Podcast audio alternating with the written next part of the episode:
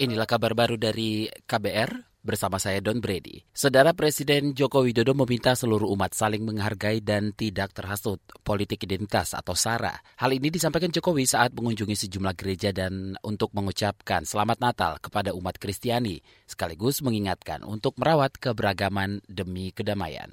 Agar pemilu mendatang ini benar-benar berjalan dengan damai dan semakin berkualitas tidak ada lagi nanti politisasi agama, tidak ada lagi politik sara, tidak ada lagi politik identitas, nggak ada. Karena kita semuanya ingin pemilu 2024 itu berkualitas. Sebelumnya Presiden juga menyatakan harapannya agar penyelenggaraan pemilu 2024 mendatang bisa semakin berkualitas.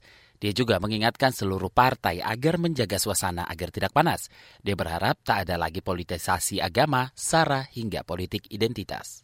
Wisatawan tetap diperbolehkan berkunjung pasca konflik keluarga di Keraton Kasunanan Solo, selengkapnya bersama kontributor KBR Yuda Satriawan. Pasca pecahnya konflik internal keluarga, Keraton Kasunanan Solo tetap dikunjungi wisatawan. Pantauan di lokasi, puluhan wisatawan domestik berkunjung ke ikon wisata kota Solo ini.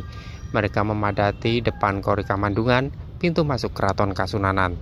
Tak jarang mereka juga bersewa foto dengan abdi dalam keraton. Deretan becak di depan keraton juga tetap menghiasi destinasi wisata budaya di Solo ini. Para tukang becak menawarkan mengantar wisatawan untuk berkeliling komplek keraton Kasunanan dengan upah tertentu.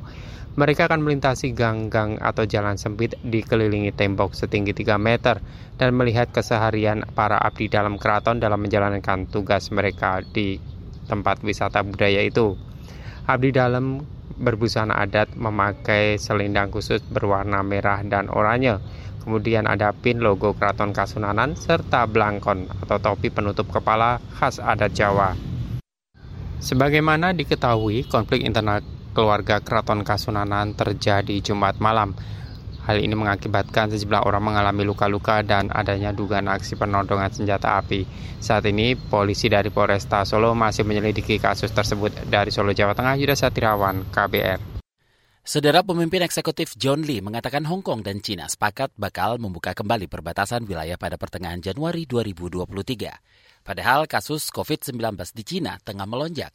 Menurut catatan rapat yang bocor ke media, setidaknya 250 juta penduduk di negara itu diduga terpapar COVID-19 panjang Desember 2022. Dikutip Reuters, rencana membuka kembali perbatasan disampaikan Lee saat tiba di Bandara Hong Kong sekembali dari China. Rencana itu merupakan prioritas untuk meningkatkan ekonomi kota yang lesu akibat pandemi. Namun Lee tak memberikan rincian informasi bagaimana perbatasan itu dibuka termasuk aturan soal karantina. Saudara perbatasan Hong Kong China ditutup sejak 2020 lalu imbas pandemi COVID-19. Demikian kabar baru dari kantor Berita Radio KBR. Saya Don Brady.